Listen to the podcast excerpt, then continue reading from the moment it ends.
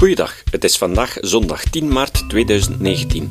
Ik ben Jozef van Giel en dit is de 372ste aflevering van deze podcast. Gaat de wereld de verdoemenis in? Zijn we volop bezig met onze eigen ondergang te bewerkstelligen? Of valt het allemaal wel mee? Is het menselijk technisch vernuft in staat om ook de huidige milieuproblemen op te lossen zonder onze maatschappelijke verworvenheden ervoor te moeten opofferen? Philippe Blom neigt vooral naar het eerste, Maarten Boudry naar het tweede.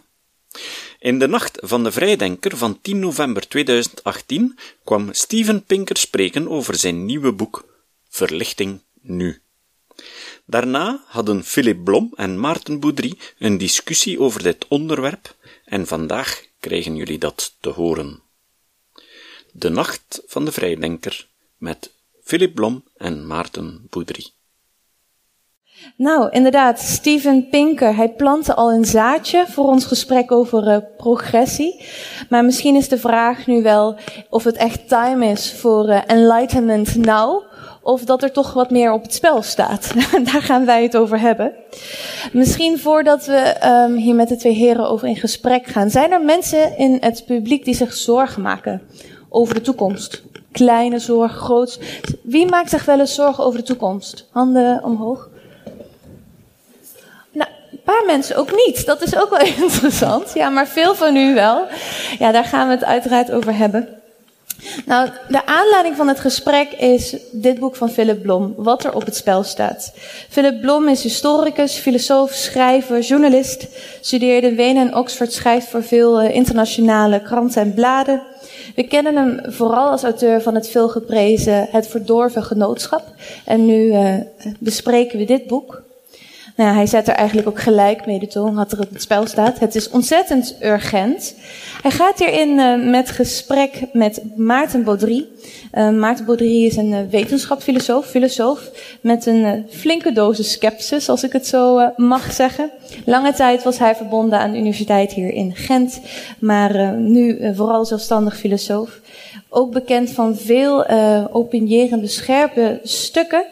Um, maar ook vanwege zijn succesvolle boek Illusies voor Gevorderden. En in de maak is nu de redelijke optimist, waarin hij tegen doemdenken ageert. Um, en eigenlijk ook uh, ja, vooral wil weten hoe waarheid nou echt kan prevaleren. Toch, dat is denk ik een uh, ja, belangrijk onderdeel. Precies. Nou, waar de een echt aan de noodbel trekt als het gaat over de toekomst, is de ander een optimist. U denkt, uh, kunt het denk ik al meteen aanwijzen wie wie is. Maar om even te schetsen hoe de situatie nu is, uh, Philip. Je begint je boek eigenlijk met een gedachte-experiment. Stel je voor dat een historica over 50 jaar de geschiedenisboeken induikt, de archieven induikt en gaat nadenken over wat er nu aan de hand is. Wat signaleert zij dan? Nou, um, ten eerste, ik moet even de vraag omkeren. Ik vond het fascinerend. Wie van u maakt zich geen zorgen ja. over de toekomst? Handjes. Dus mensen vooraan in de zaal maken zich wel zorgen. De mensen achteraf zijn helemaal goed. U invloedt geen zorgen. Maar, ah, ah. maar, dat vind ik dus, uh, deze, dit niveau van optimisme vind ik heel fijn. Ik hoop ook eerlijk gezegd dat ik fout lig met de dingen die ik u ga vertellen. Maar ik zie nog niet heel goed hoe. Ik dacht als een historica over 50 jaar, over twee generaties, terugkijkt naar het vroege 21ste e-, eeuw. Wat, dan zou ze een heleboel dingen heel goed verstaan, omdat die hebben tot ontwikkelingen geleid die ze kent. Maar misschien zullen ze ook sommige dingen niet zo goed verstaan. En ik denk daarvan zijn twee dingen. Die mensen toen wisten toch wat er gebeurt met de klimaatverandering. Ze wisten dat de eerste 17 van de eerste de 18 jaar van de 21ste eeuw altijd hitterecorden hebben nieuw opgezet. Ze wisten enzovoort enzovoort. Waarom deden ze dan zo weinig? Waarom zagen ze een ramp die kruipend is, langzaam is, maar van die ze al konden zien dat er heel ernstige consequenties zullen komen, waarom hebben ze bijna niets veranderd in hun maatschappijen, in hun lifestyle, etc. En de tweede is, en ik weet niet of we daarover ook gaan praten, waarom hebben ze niet beseft hoe sterk de automatisering van werk en de digitalisering hun maatschappijen zullen veranderen, zelfs veranderen de kijk op wat mensenrechten zijn, wat een persoon is, wat leven is, wie rechten kan hebben, et cetera, en hoe een democratie kan doorwerken. En ik denk dat zullen mensen in de toekomst moeilijk vinden om te verstaan hoezo wij vandaag zo weinig aan deze dingen deden. En dat was de begin van dit boek. En de these van dit boek is een beetje: wij leven in een tijd die geen toekomst heeft. En dat is eigenlijk een beetje omdat ze helemaal geen toekomst wil. Omdat veel mensen maken zich wel zorgen om de toekomst. En voor die is eigenlijk het, het beste wat kan gebeuren, is niet dat we een toekomst hebben, maar dat het heden nooit ophoudt. Dat er gewoon geen verandering komt en wij verder rijk blijven en zeker blijven en hoge welvaart hebben. En we weten verandering, dat gaat het allemaal een beetje aantasten. Dus liever geen verandering, liever geen toekomst, liever een eeuwigheden. Maar met de klimaatverandering, met de digitalisering, zou dat niet mogelijk zijn. De verandering is al onderweg. En ik denk de keuze voor maatschappijen in de rijke wereld. De maatschappijen in andere delen van de wereld hebben minder keuzes. Maar voor ons is de keuze, gaan we die verandering nu aanpakken en gaan we die zelf vormgeven? Of gaan we gewoon erleiden wat er op ons afkomt? En op het moment lijkt het niet dat we echt uh, ongelooflijk veel energie in besteden om de verandering vorm te geven op een manier die, wel, die wij wel positief vinden. Maar je beschrijft ook dat het juist voor ons in deze tijd, als generatie die daar zo, generaties die er zo mee zijn opgegroeid met het idee van welvaart en vooruitgang, dat het juist voor ons heel moeilijk ook is om te veranderen. Het is heel moeilijk en dat is misschien op een vrijdenkersfestival belangrijk te zeggen. Dat is ik vind de grootste trap in die wij intellectueel kunnen trappen, is de trap van de normaliteit. En dat betekent gewoon dat wij denken, omdat dingen nu zo zijn, moeten ze ook zo zijn en dat is normaal.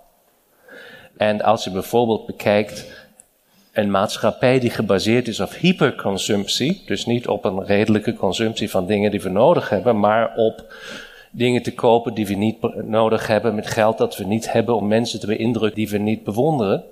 Dat is een mechanisme die heel ongezond is. En dat is ook een beetje mijn bezwaar met het argument van Steven Pinker omdat hij laat u dat de, de curve zien daar met de groei, met de economische groei. En dat gaat keihard naar boven in de naoorlogse tijd van de 20e eeuw.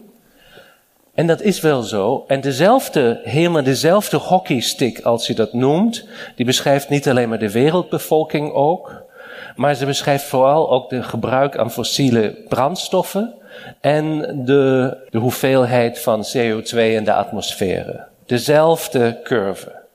En dat is een lijn die wij niet door kunnen gaan. Het is al veel en veel hoger dan het in de laatste 400.000 jaar was. Daar kunnen we niet doorgaan. En dus te zeggen, het wordt alsmaar beter als we weten, het berust alsmaar op de consumptie van fossiele brandstoffen, die wij in die tijd hebben gepleegd. Dat betekent ook, we gaan zien een oogst een catastrofe tegenmoet, omdat de consumptie van fossiele brandstoffen is of verstoort ook het milieu in dat wij leven.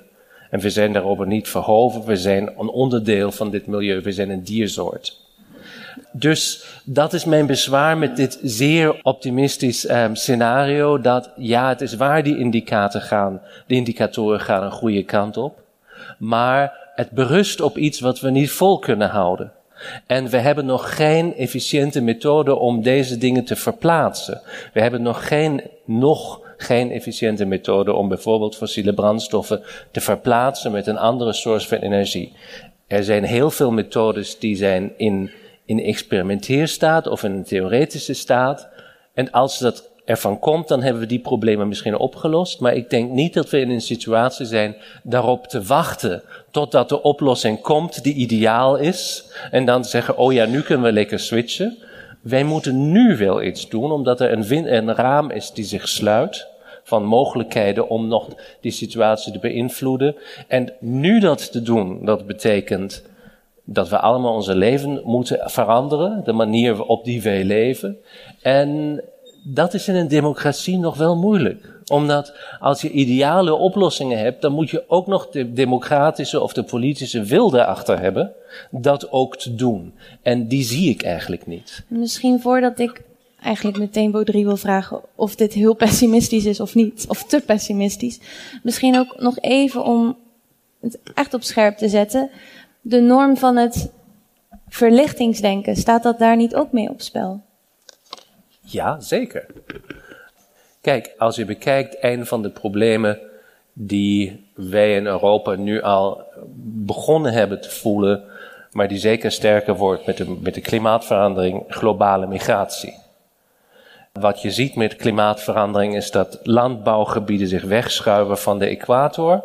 En dat betekent dat een heleboel mensen, honderden van miljoenen mensen, daar waar zij hebben geleefd en hun ouders ook, niet meer kunnen blijven leven.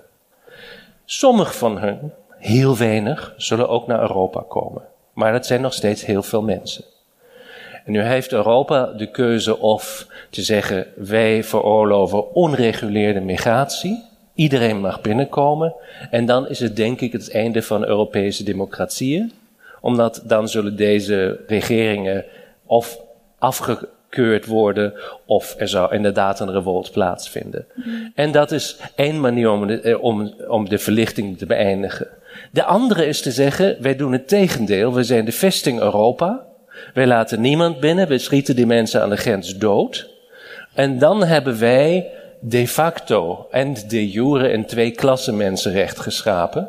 Dan is niet meer iedereen gelijk op een universele basis. En dat is dan ook het einde van de verlichting. Dus wij zitten daar met twee slechte mogelijkheden, tussen die, die wij moeten leren door te navigeren.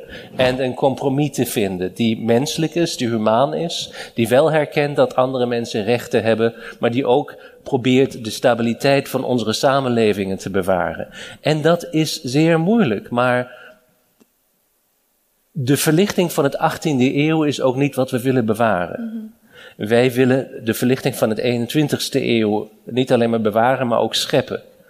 En dat is, dat is nog een ander verhaal, dat is een verhaal voor een andere avond. Ik denk de verlichting, ik zou Steven Pinker's list nog sommige stukjes bijvoegen waar de verlichting dan is het al moeilijk, omdat is er een verlichting? Waren er niet verlichtingen van verschillende tradities die ook heel verschillend geargumenteerd hebben? Maar wat wij geërfd hebben als de verlichting, komt eigenlijk uit het 19e eeuw, uit de geschiedenisboeken van het 19e eeuw.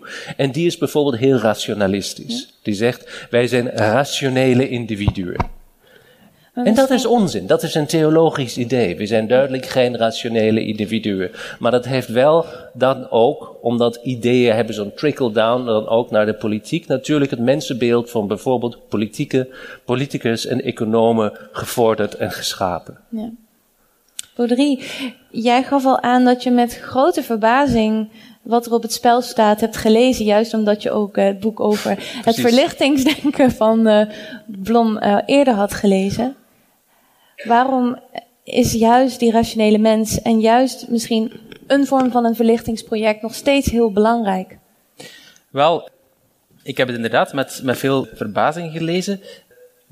Vooral met het, het vorige boek van, uh, van Philip Blom in het achterhoofd, waarvan ik een grote liefhebber was. Uh, ik heb het zelf uh, geciteerd in mijn eigen boek. ik vind dat een prachtig verhaal vertelt over wat hij het verdorven genootschap noemt. Dus die radicale vleugel binnen de verlichting, die radicaal democratisch was, die ook uh, uitgesproken atheïstisch was, uh, die minder paternalistisch omging met de mens dan bijvoorbeeld de meer gematigde strekking binnen de verlichting, zoals Voltaire.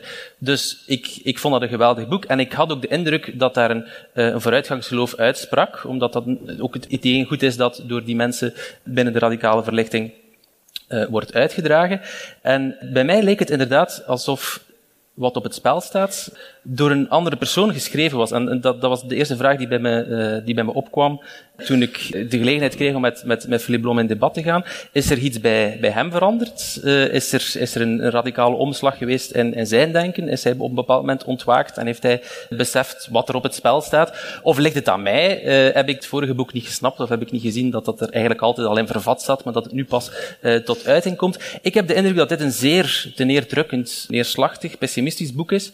Vooral de, de interviews die u daarover hebt, hebt, gegeven, die doen er vaak nog een schepje bovenop. Daar, daar gebruikt u dan metaforen als we zijn tegen een rotvaart totaal verblind uh, aan hoge snelheid op een, op een muur aan het afrijden uh, en de remmen zijn stuk. Ja, dan denk ik inderdaad, laten we er dan nog van profiteren voor zolang het duurt. Uh, als het dan toch om zeep is, dan lijkt het mij ook niet, niet meer nodig uh, of, of, niet meer raadzaam om, uh, om het roer nog om te gooien. U hebt daarnet ook gezegd, we moeten ons leven veranderen, we moeten allemaal uh, beseffen wat er op het spel staat. En ironisch genoeg denk ik dat u daar een beetje te optimistisch bent. Want ik denk niet dat het, dat het haalbaar is om zomaar van mensen te verwachten dat ze een radicale, zo'n radicale omslag gaan meemaken. Maar ik, ik heb toch niet gezegd dat ik dat denk? Nee, precies. Maar als u dat niet denkt, dan ziet het er nog zwartgalliger uit dan ik al vermoedde. Dus ik hoop... Dat is een beetje de paradox uh, die, die, die, die je uit uw boek spreekt. Het, het lijkt alsof de enige redding voor u is een soort van massale collectieve bewustwording die we moeten doormaken. En zolang dat niet gebeurt, dan is eigenlijk alle, alle hoop verloren. Als je daar dan nog de premisse aan toevoegt, zoals ik daarnet uitleg dat het onhaalbaar is om van mensen zomaar te verwachten dat ze zo, tot zo'n collectief bewustzijn komen, dan is het eigenlijk om zeep. Dus dan heeft het ook geen zin meer om er nog iets aan te doen. Maar laten we nu even op het probleem ingaan, maar ik ben nu een beetje in, eh, in abstracte termen aan het spreken. Ik vind het een mooi gedachte-experiment wat u daar naar voren brengt. Hoe zou een historicus eh, binnen 50 jaar eh, terugblikken op ons tijdwerk?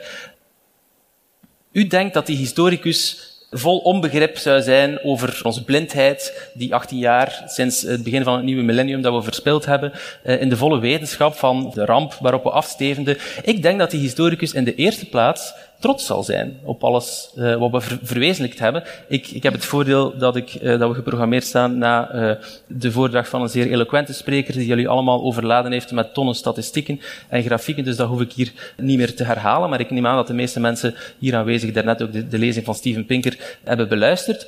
Het is een ongeziene eh, prestatie, uniek in de wereldgeschiedenis, eh, dat we op bijna elk vlak, op elk denkbaar criterium van maatschappelijke vooruitgang, een ontzettende spurt hebben gemaakt. Dus je ziet doorheen de, het grootste deel van de wereldgeschiedenis is het eigenlijk een vlakke lijn op de meeste criteria. En dan pas, eerst in West-Europa en daarna uh, uitdijnend als een, als een inktvlek bijna naar de rest van de wereld, dan zie je dat iedereen wordt meegesleurd in die, in die vaart der volkeren.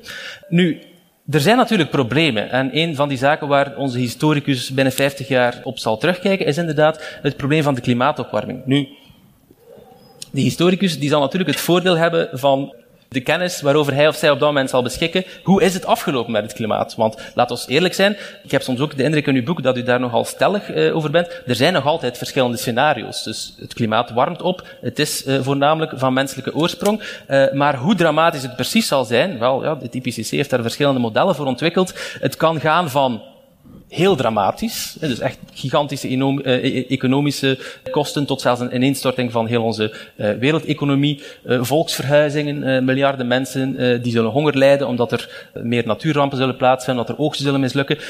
Er zijn ook meer gematigde scenario's, waarbij het min of meer beheerbaar is en waarbij we ook uh, grotere dammen kunnen bouwen en uh, steden uh, voor een deel kunnen gaan verplaatsen, maar dat zal afhankelijk zijn van hoeveel tijd dat we hebben enzovoort. Dus het is natuurlijk het is een zeer ingewikkelde berekening die we moeten maken.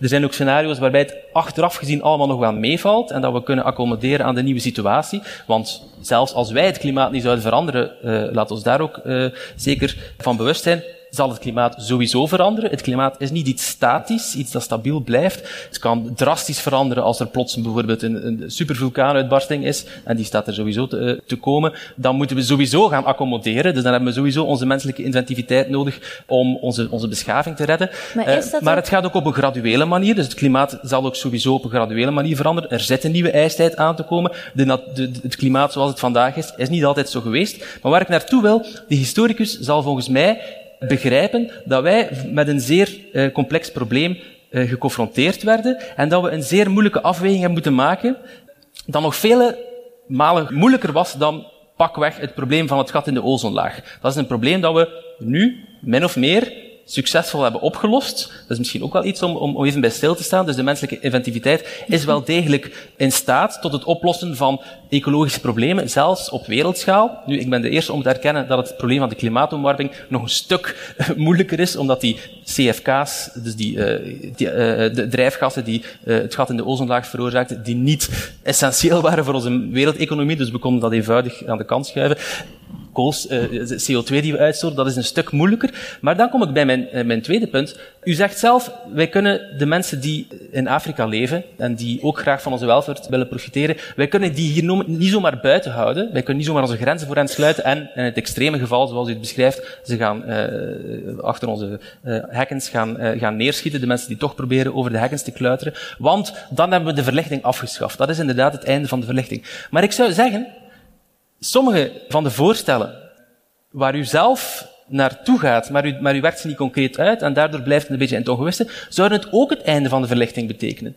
Want hoe gaan de mensen die nu in Afrika leven en in andere landen, die dus nog een veel lager ontwikkelingspeil hebben, hoewel het inderdaad uh, al veel beter gaat, maar er zijn nog altijd honderden miljoenen mensen die in extreme armoede leven, die uh, geen elektriciteit hebben, geen stromend water, die wel nog doodgaan door infectieziekten, waar de kindersterfte nog veel hoger ligt. Hoe gaan die mensen zichzelf uit het slop trekken? Wel, op dit moment is fossiele brandstof en dan met name zelfs uh, steenkool, een van de enige snelle, efficiënte manieren voor die mensen op dat punt van een ontwikkeling om zichzelf uit de armoede te gaan trekken. Dus de afweging waar onze toekomstige historicus, denk ik, begrip zal voor hebben, is dat wij moesten kiezen tussen de arme mensen die vandaag leven, die nu voor onze ogen sterven en die ook willen mee profiteren van onze rijkdom, die ook steenkoolcentrales willen bouwen, die zich nog niet kunnen permitteren om met hoog gesofisticeerde windmolens en zonnepanelen enzovoort. Dus daar zullen we ook, de, de, daar zal die historicus, denk ik, begrip voor opbrengen. Mm -hmm. En ik denk dat u te gemakkelijk gaat over die andere kant van het probleem. Want als we nu de hele wereldeconomie lam leggen, of van vandaag op morgen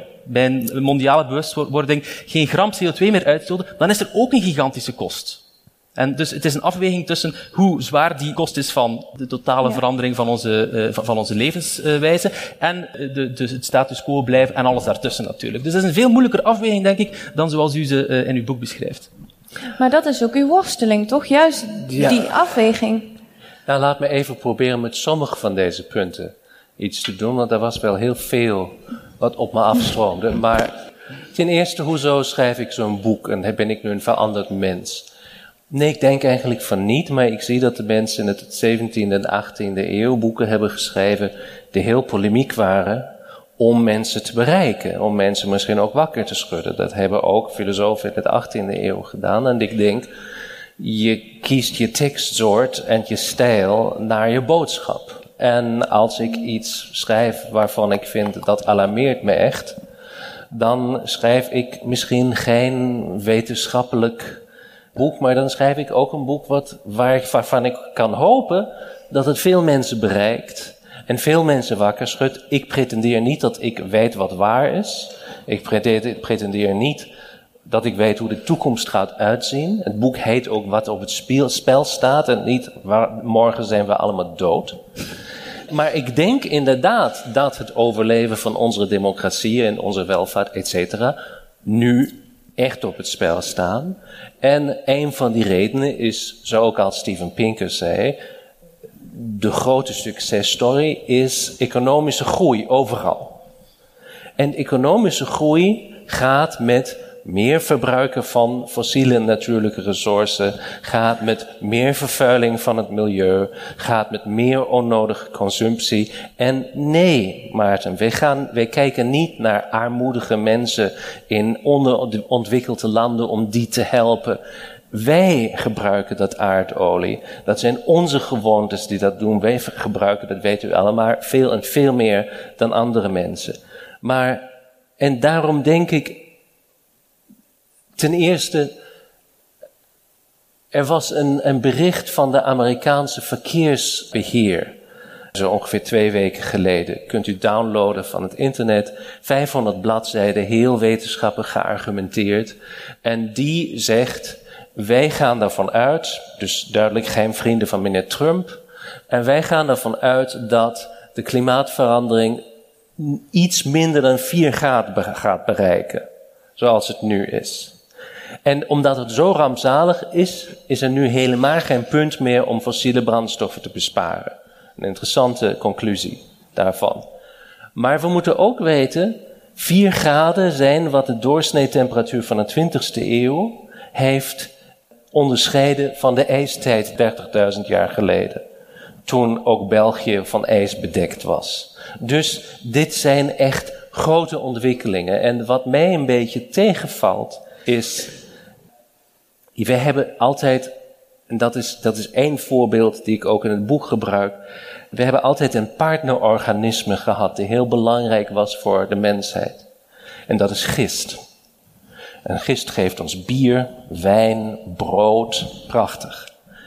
En gist, dat weet u allemaal, je gooit gist in een, een zoete, uh, zoete vloeistof. En dan gaat die gist al die suiker opeten. Totdat hij op een moment, grote bevolkingsexplosie. Totdat hij op een moment stikt en verhongert.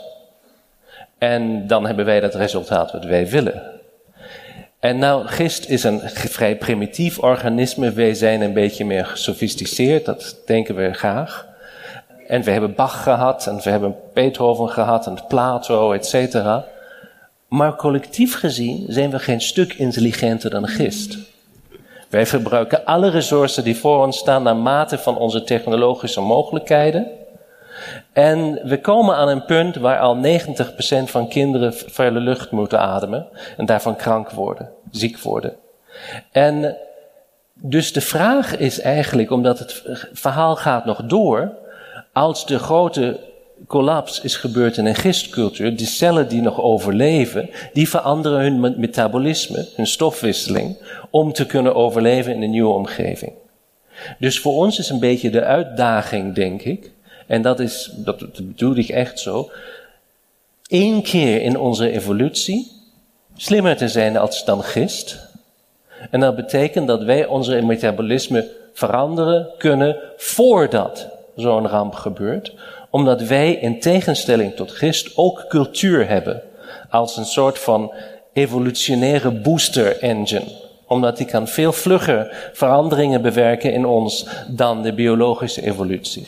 Maar u lijkt te zeggen dat het de eerste keer zou zijn dat wij meer intelligentie hebben aan de dag gelegd dan die gist, ja. die zwam, ik denk dat u daar heel veel oneer aan doet aan onze, aan onze menselijke soort. Ik denk dat er al heel veel gevallen geweest zijn waarbij we wel de intelligentie aan de dag hebben waar, waar het over gaat. En dan ga vooral verder. Maar jullie hebben een grondig verschil, volgens mij, in wat de menselijke conditie is. Wat de menselijke natuur behelst. Enerzijds, nou wel op een bepaalde mate rationeel, maar niet zo machtig en overmachtig als wij denken. We lijden misschien aan een bepaalde mate van overmoed als het gaat om onze eigen capaciteiten en gedragingen. En jij plaatst daar juist een heel ander maar Het gaat zelfs nog niet eens over overmoed, want een gistcel die is nog bescheiden, nog arrogant, nog overmoedig. Die is gewoon niets. Die groeit omdat hij zo geprogrammeerd is door, uh, door zijn genen. En inderdaad, op een bepaald moment uh, bereikt hij de grens van het petrischaaltje of van de boom waarop hij groeit of wat dan ook. En dan is het afgelopen. En, wat doen wij nu anders? Maar wat doen wij nu anders? Wij doen al twee eeuwen, doen al sinds het begin, sinds mensenheugenis, doen we al anders. En vooral sinds de wetenschappelijke revolutie doen anders. Want sindsdien kunnen we in kaart brengen wat de effecten zijn van onze eigen activiteit op de wereld. En ik heb zelf al het, het, voorbeeld gegeven van het gat in de ozonlaag. Dat is al een van die historische precedenten waarbij we hebben getoond dat we beter zijn, dat we intelligenter zijn, dat we meer vooruitziend zijn eh, dan die gistcel. Eh, er, er zijn zo talloze voorbeelden waarbij we op voorhand kunnen voorspellen wanneer een grondstof zal uitgeput raken en dat we op, het moment dat dat gebeurt, dat we overschakelen op een andere grondstof. Dat is al talloze malen gebeurd sinds de industriële revolutie. Eh, de boetade luidt, het stenen tijdperk is niet afgelopen omdat het steen opraakte. Mensen hebben altijd de inventiviteit gevonden om, wanneer een bepaalde grondstof uitgeput raakt, om over te schakelen op iets anders dat ook in een behoefte kan voldoen. En ik ga even ingaan op het, op het voorbeeld dat u geeft van, van fossiele brandstoffen. Ecologisten voorspellen al decennium, uh, op decennium dat olie en steenkool zullen uitgeput raken. Die voorspellingen hebben telkens opnieuw gefaald, dus er blijken altijd meer beschikbare reserves te zijn dan we gedacht hebben. Maar uiteraard, puur wiskundig gezien, is het eindig en er zal een bepaald punt komen waarop de steenkool uh, en de olie zal uitgeput zijn. Uh, maar op dit moment, en, en allez, u weet dat ongetwijfeld even goed als ik, zijn er andere energiebronnen die we kunnen aanboren, en daar zijn we ook volop mee bezig, waarmee we al anticiperen op het moment dat ooit zal komen dat de steenkool en de olie echt zal uitgeput raken.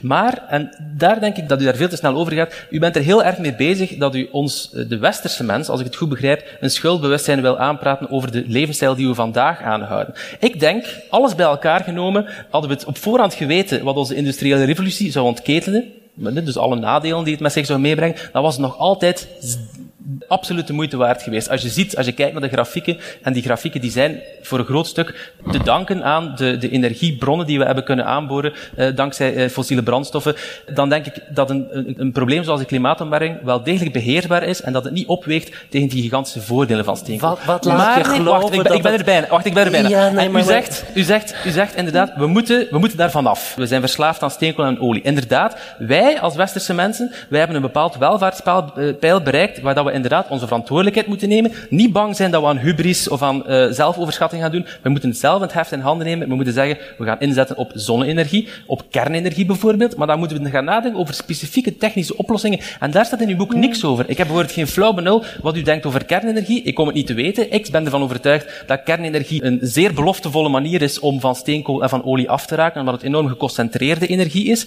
Uh, en die ook goed gecombineerd worden met hernieuwbare energiebronnen.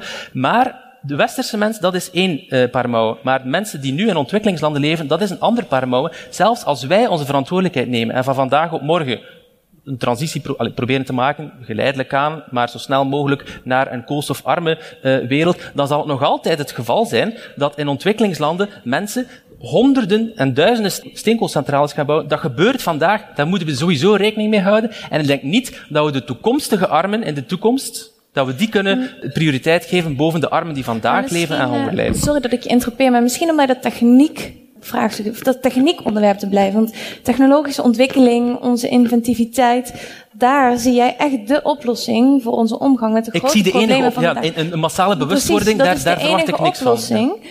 Maar u ziet nou, technologie juist als een van de problemen, althans voor onze toekomstige Ten eerste is het gewoon dit vooruitgang, dit, dit narratief van vooruitgang, dat is gewoon, als je ziet, we hebben al die fijne dingen bereikt, maar we hebben ook 60% van alle diersoorten vernield.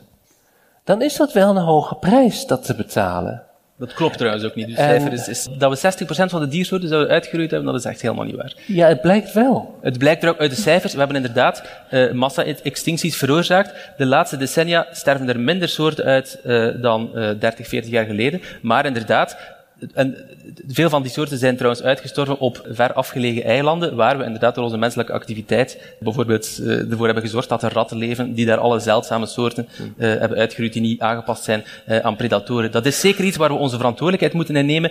Maar denkt u echt, los nog van dat cijfer, dat, dat dat, dat vind ik ook een leuk gedachte-experiment in plaats van 50 jaar in de toekomst te gaan kijken en, en ons af te vragen hoe historicus zou terugdenken op onze tijd anno 2018. Stel dat we 200 jaar geleden aan de, aan de vooravond van eh, de industriële revolutie, dat we zouden geweten hebben waar we zouden uitkomen. Dus we zouden allemaal veel rijker zijn, er zouden minder kinderen sterven, er zouden minder milieuvervuiling zijn, maar er zouden ook zou, er een gat in de ozonlaag komen, er zou, er zou klimaatopwarming zijn. Denkt u niet dat het alles bij elkaar genomen meer dan de moeite waard was. Dat er zelfs, de afweging is voor mij zelfs, ik, ik, daar, daar twijfel ik geen seconde over, dat de problemen die we nu nog hebben, dat die beheersbaar zijn, hadden we dan moeten arm blijven, want Steven Pinker heeft het dan net uitgelegd. Gedurende 90% van de wereldgeschiedenis van, uh... waren we arm en ziek en leefden we maar tot 30 jaar. Maar, maar, maar wie, zegt, wie zegt dat deze problemen beheersbaar zijn? Wie heeft de idee dat omdat er een probleem is, is er ook een oplossing? Wel, bijvoorbeeld um, kernenergie. Denkt u dat kernenergie een goede oplossing is voor, uh, nou, voor ik zou, zeggen, ik zou zeggen, uh, groetjes van Fukushima. Het is geen technologie die we hebben geleerd te beheren. En als in een van de technologisch meest gevorderde landen met een stabiele democratische regering je een kerncentrale kunt neerzetten op een earthquake fault, dan vind ik dat een gevaarlijke technologie. En um, ik ben jammer genoeg met je eens dat het misschien in een transitieperiode noodzakelijk is om deze technologie ook terug te grijpen, maar het is, het is een, een toxische technologie en dat blijft het ook. Fukushima is trouwens niemand gestorven. Daar wou ik maar even aan Nee, maar er is misschien niemand gestorven. Maar wel 18.000 mensen bij de aardbeving zelf en de tsunami, maar in Fukushima, in tegenstelling tot de doemberichten die daar worden over verstuurd, er is heel dus dan was het helemaal niet zo erg. Geweest, um, dat, dat, is denk ook ik inderdaad, ja. Um, dan was het helemaal niet zo erg. Maar kijk, nee, ik, ik denk niet dat wij oplossingen hebben voor alle problemen. En nog hadden wij technologische oplossingen die er nog niet zijn. Dan zijn er twee voor mij grote problemen. Het eerste is dat we hebben niet de, luxe te wachten totdat die technologische oplossingen echt zo ver zijn dat ze ons op onze niveau van leven kunnen verder steunen. Dat kan morgen zijn, dat kan over 30 jaar zijn, dat weten we niet. En uh, dat is één probleem wat ik, wat ik zie. En dat andere is, er is gewoon in een democratie niet de politieke wil om deze dingen te doen. Als alle wetenschappers ter wereld ons vertellen, wij moeten binnen twintig jaar weg van alle fossiele energiebronnen, dan gaat het nog lang niet gebeuren. Daar zijn heel belangrijke economische interesses achter. Daar zijn de interessen van ons, alles die, van ons allen die uh, ons luxe leven fijn vinden. En daar zijn de interessen van de mensen buiten deze haal, die niet naar zulke debatten komen, die niet eens weten dat die problemen bestaan. En dus ook hadden wij technologische oplossingen. Ik denk niet dat we die gaan gebruiken op een ingrijpende, een voldoende sterke manier in die tijd die we hebben. Dat hoe verklaart u dan bijvoorbeeld dat het ons wel gelukt is wat betreft de vervuiling door zware metalen die in de jaren 70 heel sterk aanwezig was, ook in westerse landen die we ondertussen hebben weggewerkt. Het lood dat in benzine zat, waarvan we nu weten dat het giftig Omdat was. Omdat het een probleem van een andere schaal is. Ja, maar, ja, maar dan moet, u, dan moet u toch eerst, als u dan wil, als u wil besluiten dat technologie ons niet zal redden, dan zou het mij redelijk lijken dat u eerst naar de technische oplossingen gaat kijken, die worden voorgesteld door de wetenschappers, en dat u dan eh, op het einde van de rit de slopsom maakt ik denk niet dat het zal gebeuren. Maar u hebt het in het boek helemaal niet over technische oplossingen. En ik geef nu maar kernenergie als voorbeeld, maar er zijn er nog zo talloze. Dus er zijn ook mensen die denken dat we vooral van wind en zon gaan afhankelijk zijn. Er is ook een, fantastische technologie in mijn optiek die ervoor zorgt dat we onze rommel terug opkuisen. Dat wil zeggen, de CO2 die we al uitgestoten hebben, dat we die proberen terug te capteren, zoals dat planten eigenlijk doen, en terug in de grond te stoppen, zodat ze geen kwaad meer kan. Uh, er zijn ook manieren laat ik maar zeggen, een laatste redmiddel om de temperatuur van de aarde een beetje uh, te temperen, tijdelijk dan, om onszelf wat tijd... Geoengineering, inderdaad. Ja, dat is denk ik de meest Precies. rampzalige idee van alle. Maar waarom is u dat rampzalig, als nou, het ons kan redden? Vertellen. Um, omdat wat wij hebben gedaan, de mensheid heeft altijd, je kunt zeggen, de mensen vroeger, 20.000 jaar geleden, waren niet dommer dan wij zijn. Je kunt het ook uh, omdraaien en zeggen, wij zijn nog steeds zo idioot als 20.000 jaar geleden. En het is inderdaad, uh... naarmate van onze technologie hebben we altijd geprobeerd onze, onze milieu te beïnvloeden en ook flink verstoord. Dus in de middeleeuwen was technologie veel en veel vervuilender dan vandaag, maar er was zo weinig daarvan dat het geen verschil maakte. Nu hebben we echt de technologische uh, reach om echt uh, schade aan te richten. En dat doen wij dus ook. Um, misschien voordat, want ik wil heel graag ook het publiek nog een vraag mogelijkheid ja, geven. Prima. Dus wat in ieder geval heel duidelijk wordt, het probleem is ontzettend complex. Het gaat ons over het hoofd. Antwoorden ja, maar dat, zijn dat niet moet ik wel nog even, omdat het een antwoord is op Maarten. Het probleem met geoengineering, omdat ik het zeer belangrijk vind, het is net als het probleem met populisme. Er zijn geen eenvoudige oplossingen voor zeer complexe problemen. Wij begrijpen nog niet hoe complex het klimaatsysteem is. En dus en een of andere chemicalen hier of daar te gebruiken om een klein lokaal systeem te beïnvloeden, dat heeft ripple effects die wij nog niet kunnen beseffen. Maar we kennen de effecten al, want we weten precies wat er gebeurt wanneer er een vulkaanuitbarsting is. Maar we willen gewoon het, het effect dat een vulkaanuitbarsting heeft, een grote vulkaanuitbarsting op de aarde, is precies het effect dat we willen imiteren. Er zijn kleine aerosols, stofdeeltjes, die het zonlicht tijdelijk buiten houden en we weten perfect wat, wat voor effect dat het heeft, want we zien dan in de geologische tijdlagen dat de temperatuur heel klein beetje of drastisch naar beneden kan. Ik ben het met u eens, ik ben er ook geen liefhebber van hoor, maar als ik de keuze moet maken tussen de totale ondergang en een uh, berekend risico nemen met eh, geoengineering, ja, dan wil, ik, dan wil ik liever, of in ieder geval, dan wil ik dat debat daarover voeren. Want u lijkt alleen maar de hoop te vestigen op een, op een uh, mondiale bewustwording, waarvan u zelf erkent, de mens is dom, de mens is rationeel, we gaan er nooit geraken, de mensen die, die, die hier zitten, die hebben tenminste nog interesse, maar, maar, maar de mensen die hier buiten lopen, die hebben er nog nooit van gehoord. Ja, maar dan ben ik toch tot wanhoop gedreven. Als het daar niet van afhangt waarvan Het punt is heel duidelijk.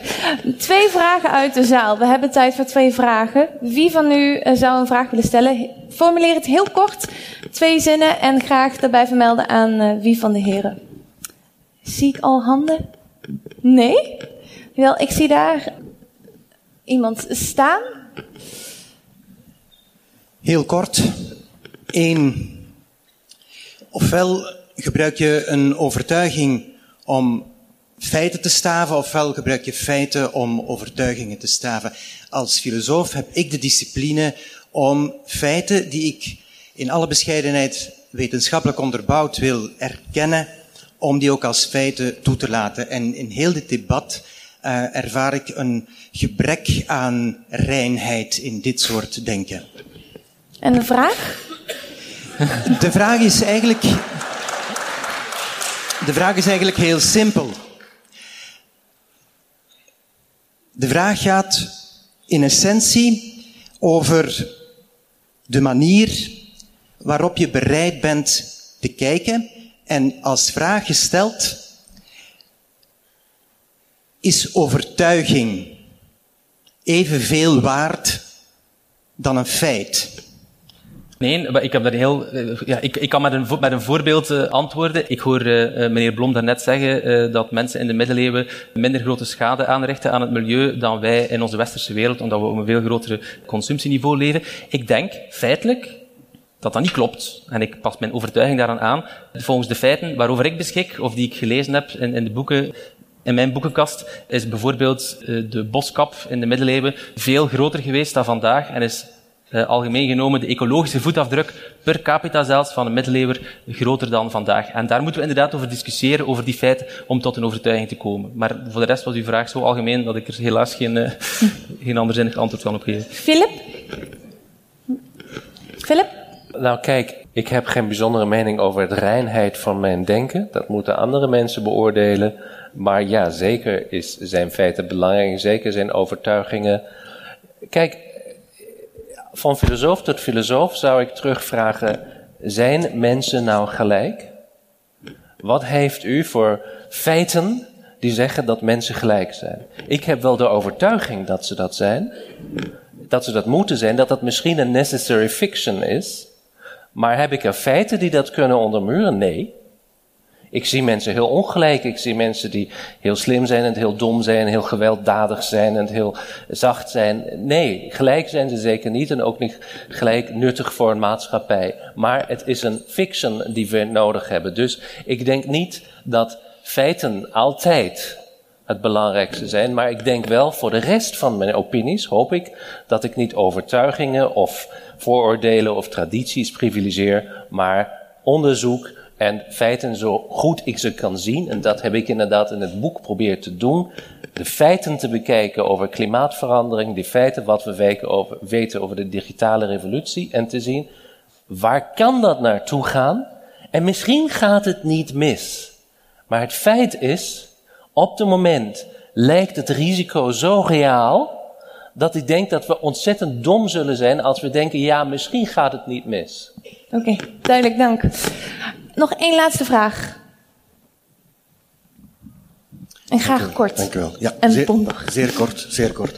Ja, het is duidelijk dat we ons in een zeer complexe situatie bevinden. Ik denk dat iedereen daar uh, mee eens is. We hebben het ook veel over wetenschap gehad, ook in de vorige uh, voordracht. Maar professor Blom heeft heel kort ook uh, de cultuur vermeld en de rol die cultuur hierin zou kunnen spelen, ons wegwijs zou kunnen maken of ons zou kunnen helpen in deze situatie. Kan u heel kort beiden misschien een indicatie geven van wat cultuur, welke bijdrage cultuur in dit debat kan geven? Ik denk dat cultuur de biologische eigenschap is die mensen uniek maakt. Die de mens als soort uniek maakt.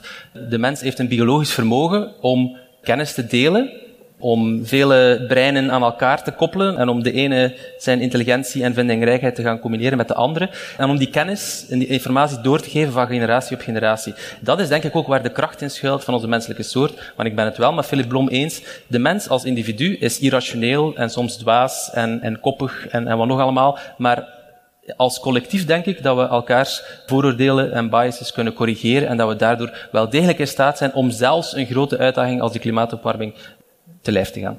En cultuur volgens jou, Philip? cultuur volgens Philip. Of de Eh, rol? in drie zinnen. Ik denk cultuur is de manier hoe we omgaan met onze drie principale driften van seks, angst en erkenning. Hoe wij die kunnen construeren in een maatschappij en een gemeenschap. En dat is soms meer en soms minder hulpzaam voor onze doelen. Bijvoorbeeld, ik denk op het moment construeren wij onze erkenning, dus onze identiteit, heel sterk door consumptie. En dat is een deel van een economisch model. Dat is niet noodzakelijk zo. Er zijn maatschappijen die het anders doen. Maar dat is op het moment onze culturele basis. En ik wil er nog maar één zin toe zeggen, omdat ik zei aan het begin, we hebben eigenlijk een verlichting van het 21ste eeuw nodig. En ik denk dat we daar best wel iets van het 17e eeuw kunnen leren van die mensen die vandaag niet meer zoveel worden gelezen. Maar dat is gewoon dat wij, Homo sapiens, ons leren te begrijpen heel radicaal als een onderdeel van de natuur. Maak je de, eer, de aarde onderdaan, zegt de Bijbel.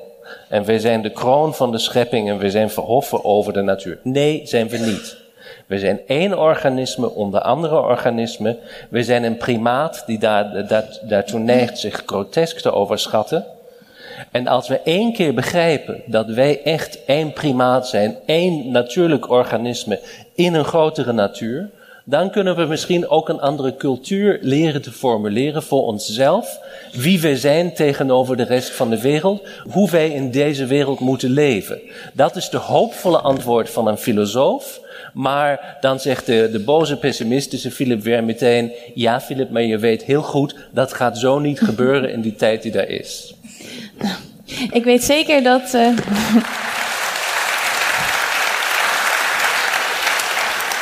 Ik weet zeker, oh, de mens als primaat, dat dat moeilijk bij jou erin gaat, te Maarten. Maar daar gaan we het niet meer over hebben. En we sluiten toch af met, ik denk toch een licht hoopvol gevoel. Toch? Vandaag? In ieder geval vergaat de wereld nog niet vanavond. Dus ik wens jullie nog heel veel plezier en veel dank voor het luisteren. Geef de heren een groot applaus. Hartelijk bedankt.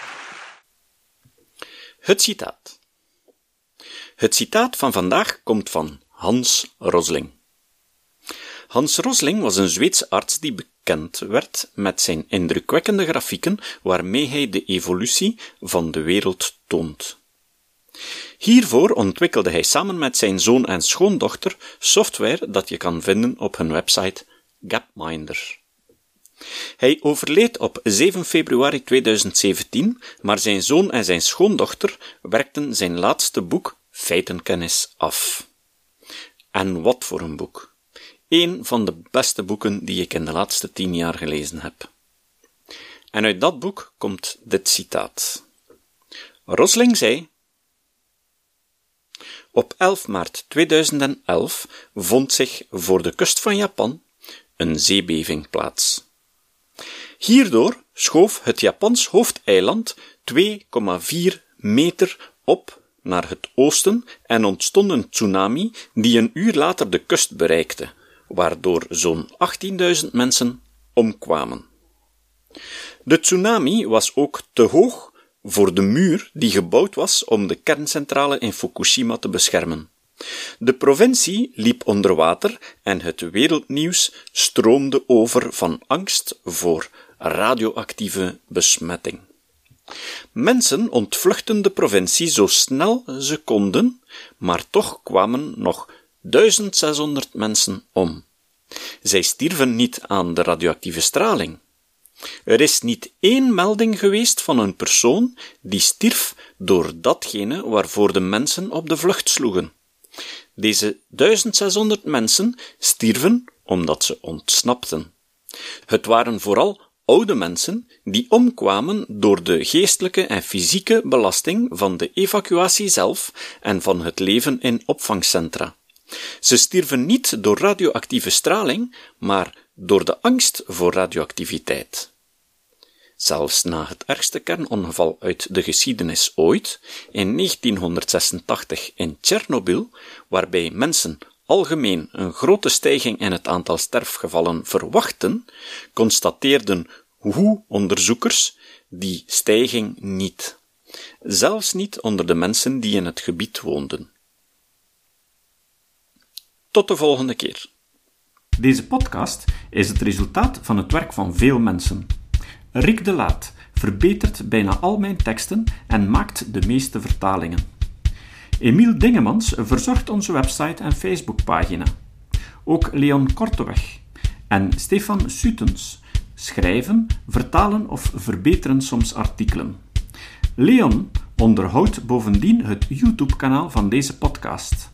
De muziek van de intro en de trailer heeft Nick Lucassen geschreven en soms maken we ook gebruik van muziek van Ad van Nederpelt, die ons zijn prachtige composities ter beschikking stelt.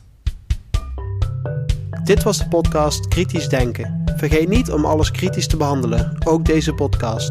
Voor verdere informatie over deze podcast, links en voor de tekst, surf naar www.kritischdenken.info. Als je deze podcast belangrijk vindt, kun je me steunen door anderen warm te maken ook eens te luisteren. Stuur een e-mail naar vrienden met een link naar de website en plaats de link in de handtekening van je e-mails. Tevens kun je op iTunes deze podcast een beoordeling geven of een recensie schrijven. Of je kan op je eigen website of blog een link naar kritisch denken plaatsen.